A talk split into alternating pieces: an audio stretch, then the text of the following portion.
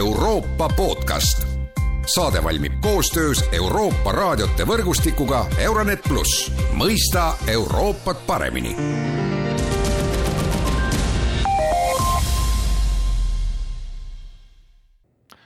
tere ja tere kuulama Euroopa podcasti. pühapäeval peetud Ungari valimised andsid võidu taas peaminister Viktor Orbanile ja tema parteile Fidesz. Ungari valimiste tagamaadest räägime Euroopa podcastis sealseid valimisi vaatlemas käinud Olari Koppeliga. mina olen Erkki Pahovski ja tere päevast, Olari! tere päevast, Erkki! ja esimene küsimus on muidugi põhiline, mida küsitakse valimiste kohta, et miks Orban võitis, seekord ju mitme partei ähm, koalitsioon Orbani vastu üritas seda võitu tema käest napsata, aga Orban ikkagi võitis jälle. No ütleme siis nii, et võitis jälle ja väga-väga kindlalt. Äh, minu isiklik mulje on see, et äh, opositsioon tegi omalt poolt äh, kõik endast sõlt-, juhtuva, et Orbani ja Fideszi ülekaalu väärata, ent valimiste resultaat näitab üheselt, et isegi sellest ei piisanud. miks see nii läks? Põhjusi on palju, mm, ühest põhjusest, äh, võib-olla peamisest põhjusest rääkis äh, ja julgen soovitada eile õhtul mm, Rahvusringhäälingu eetris olnud äh, dokumentaalfilm, mis kirjeldas neid protsesse, mis on toimunud viimastel aastatel Ungari massimeediaga. Teine põhjus on see, et äh, nüüdseks juba kaksteist aastat väldanud ainuvõim on äh, vaieldamatult Orbanil ja tema erakonnal võimaldanud muuta valimissüsteemi selliseks, et Äh, mis on äh, võimulolijale äh, mõnevõrra soodne. Ja kolmanda faktorina võib ikkagi välja tuua, et järelikult on, järelikult Orbani ja Fideszi valitsemine ja valitsemise viis ungarlastele lihtsalt sobib. sest et, sest et muuga nüüd ei saa kuidas ma, muuga on väga keeruline nagu äh, väidelda, et, et, et see võit oleks kuidagimoodi, ma ei tea, ainult konstrueeritud. ei saa väita, et äh, Orbani vastu on, ma ei tea, väga suured ühiskonnakihid, olgu need siis noored või haritud inimesed. ei, Orbani poolt on noori, on haritud inimesi, on jõukamaid inimesi, on vaesemaid inimesi nii et ma võiks öelda, et see on noh, terve niisugune omaette süsteem, noh, keegi võib seda nimetada ka režiimiks, pehmeks diktatuuriks, autokraatiaks, milleks iganes, aga noh, selline see seis seal praegu on ja noh, omaette teema, mille juurde me võime tulla, on nüüd see sündmused äh, Ukrainas, mis siis kogu varem kavandatud valimiskampaania tegelikult äh, pöörasid pea peale no enne Ukrainat tahaks rääkida natuke ka äh, valimistest. OSCE esialgne valimisraport ütleb, et et kandidaatidel ei olnud võrdseid tingimusi, et ühesõnaga see kampaania ja ruum ei olnud äh, kõikidele võrdne ja teiseks see, et, et Ungari meedia oli ikkagi väga valitsuspartei poolt kallutatud, et kuidas sa sellesse või nendesse väitjatesse suhtud? no olles seal ähm, äh, Vabariigi Valimiskomisjoni liikmena ja Ungari valimiskomisjoni kutsel ja viibides kohapeal umbes täpselt kaks ööpäeva, siis muidugi noh, sellest kindlasti mul ei piisa, et ma saaksin anda hinnanguid äh, selle kohta, missugused olid või kuidas paistis välja see mm, valimiskampaania tingimuste väidetav ebavõrdsus või meedia kallutatus. Selle töö on enda kanda võtnud tõepoolest Euroopa Nõukogu, OSCE, samuti Veneetsia komisjon, kes väga tähelepanelikult just selliseid küsimusi lahkab ja analüüsib ja kes on tõepoolest juba oma varasemates analüüsides ja eelmiste valimiste, eelmistel valimistel juhtunud kokkuvõttes jõudnud järeldusele, et Ungari valimised on küll vabad, aga nad ei ole ausad või äh, nad ei ole ausad või õiglased. Free but not fair. ja noh, see, see, see, see lause kätkeb endasse tegelikult kõik selle, et äh, reeglid äh, on kallutatud äh,, ligipääs meediale on erinev, aga selles mõttes, et kõik, kes tahavad, võivad minna valimistele ja anda oma, oma hääle. seekord siis viiskümmend kolm protsenti Fideszile ehk Orbanile ja kolmkümmend viis protsenti suurimale opositsioonijõule ja üks number on veel tegelikult, see on osavõtunumber, osavõtuprotsent, et see oli ligi seitsekümmend protsenti, kuuskümmend üheksa koma viis protsenti, et sinu hinnangul, kas seda on palju või vähe? no seda on, ütleme nii, seda on tubli kuus-seitse protsenti rohkem, kui meie Eestis oleme oma parlamendivalimistel harjunud nägema, kus ta jääb kuuekümne kolme, kuuekümne nelja protsendi kanti Riigikogu valimistel viimastel kordadel. ta on enam-vähem samas suurusjärgus, nagu see number on olnud äh, eelmistel Ungari äh, üldvalimistel, mis tähendab, et noh, nagu selle numbri puhul ei saa rääkida, et nüüd oleks toimunud mingisugune jõnks, kas siis üles või allapoole. ma ei tea, võib-olla mm, arvestasid või lootsid äh, Orbani oponendid teatud väsimusele, et rahvas on tüdinud, paljud valijad on võib-olla tüdinud sellest, et üks erakond on absoluutsel võimul olnud nüüd siis juba kaksteist aastat, kõik ei taha tulla valima ja see madalam aktiivsus võib-olla aitab neid noh, ei tea, need prognoosid, ennustused ja soovid ja unistused ei, ei läinud tõeks ja, ja valimas käis jah, umbes seitsekümmend protsenti kõigist valimisõiguslikest ungarlastest ja, ja, ja selles mõttes nagu mingisugust mm, muudatust äh, poliitilisel maastikul ei, ei toimunud. No hakkamegi rääkima nüüd Ukrainast, et äh, kuidas Ukraina sõda mõjutas valimiskampaaniat, Fidesz oli ju see, eks ole, kes seda ära kasutas, kui lugeda nüüd rahvusvahelist meediat, äh, rääkides siis sellest, et et nemad, ehk siis Fidesz ja Orban hoiavad Ungari sõjast eemal. Ja tundus, et see oli ka siis loosung, mis inimestele nii-öelda peale läks, et inimesed soovisid stabiilsust ja ja, ja nii edasi, et äh, kuidas sina äh, seda sõja mõju hindad?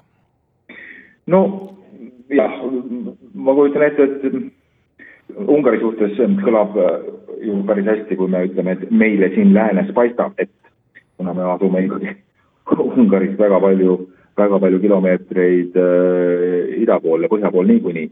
aga kui Venemaa tungis Ukrainale kallale, siis ma kujutan ette, et äh, Orbani vastasleer nägi selles ilmselget võimalust rünnata Orbanit just nimelt äh, seekaudu, et Orban on tõestanud oma lähedasi, et mitte öelda sõbrasuhteid äh, Venemaa presidendi Putini ja Venemaa režiimiga üldiselt. aga see ei nad töötanud, aga see ei töötanud? see ei töötanud, nad on sagedasti kohtunud ja, ja nii opositsioon sõnastaski narratiivi. Ahah, väga hea, nüüd on Ungari ees valik. kas me kuulume itta ehk sellesse Vene leeri või me kuulume läände ehk Euroopa Liidu murd NATO leeri. ja esimese nädala võiks öelda ja seda vist küsitlused, ka avaliku arvamuse küsitlused ka kinnitavad, et see narratiiv toimis. et tõepoolest Fideszi edumaa kahanes, opositsiooni toetusnumbrid natuke kasvasid. Seejärel aga õnnestus Orbanil ja Fideszil väga oskuslikult sõnastada eh, küsimus põhivalimiste põhiküsimuseks mitte ida versus lääs, vaid sõda versus äh, rahu. ja nad suutsid valijatele, oma valijatele ja ilmselt kõhklejatele ka selgeks teha ja loomulikult kasutades selleks oma kontrollitud meediaruumi ehk edastades oma sõnumit ja sõnum oli selline. Kui me toetame Ordani, Or, Orbanit, siis püsib Ungaris rahu ja õitseng, kui võimu saab opositsioon, siis peab Ungari minema sõtta, veelgi enam, sõda võib jõuda Ungarisse. no ja kui küsimus sellisena juba püstitatakse ja piisava veenvusega valijatele edastatakse, noh, eks me kõik mõtleme ühel hetkel, et väärtusruum on üks asi, aga sõda ja rahu on hoopis teine kuidas Ungari on põgenikega toime tulnud, et kuulajatele meenutuseks, et ka Ungari jagab Ukrainaga ühist piiri umbes sada nelikümmend kilomeetrit ja selles mõttes maismaaühendus Ukrainaga on Ungaril ju täiesti reaalselt olemas jah, huvitaval kombel äh, on see, et äh, Ungaril ja Ukrainal on oma ühine piir, äh, mitte küll ülemäära pikk, aga siiski. ja nii palju, kui õnnestus küsida ja, ja kuulata vastuseid, siis Ungari, mis teatavasti oli kahe tuhande viieteistkümnendal, kuueteistkümnendal aastal, kui tuli see suur Lähis-Ida põgenike laine, siis oli noh, kõige, kõige raevukam põgenike vastuvõtmise vastane. Seekord on olukord teine, väidetavalt on äh, need sajad tuhanded äh, pagulased, kes on Ungarisse jõudnud, neid on vastu võetud äh, väga hästi, sõbralikult, tagatud neile kõik Euroopa ajutise kaitsega tagatud õigused, kui palju neist jäävad Ungarisse, kui palju liiguvad edasi teistesse riikidesse, seda ma ei tea. Aga siin jah, mingisugust blokeerimist või takistamist või halba kohtlemist vähemalt minu kõrvu jõudnud ei ole. No prognoosimine on alati tänamatu tegevus, aga, aga kui sa võtad julguse ja üritad natuke mõelda tulevikule, siis kuidas nüüd Orban võiks käituda edasi Euroopas, ma mõtlen siin seda, et noh, ta ei ole nüüd olnud väga entusiastlik nende uute sanktsioonide suhtes, ta on nüüd küll kaasa läinud äh, seniste sanktsiooniringidega, kui nii võib öelda, aga energeetilistest sanktsioonidest äh, ta ei ole äh, tahtnud väga rääkida. samal ajal tõesti on ju räägitud sellest, et see põhipidur nendele uutele sanktsioonidele, eriti just energeetilises mõttes, on Saksamaa, seda ütles ka Poola peaminister Mateusz Moravetski, et, et kuidas edasi, et kuidas nüüd Orban võiks Euroopas siis käituda ja noh, ma meenutan seda, et need sanktsioonid saavad toimima ainult siis, kui kõik Euroopa Liidu liikmesriigis on nende sanktsioonide poolt. jah, ega sa põhilise ütlesid praegu ise ära, et Ungari on küll olnud võib-olla mõnevõrra skeptilisem äh, nüüd äh, energiakandjate sanktsioone puudutavates küsimustes, ent põhiline põhiliseks takistajaks on olnud äh, Euroopa Liidu suuremad liikmesriigid, peaasjalikult Saksamaa. no raske on spekuleerida.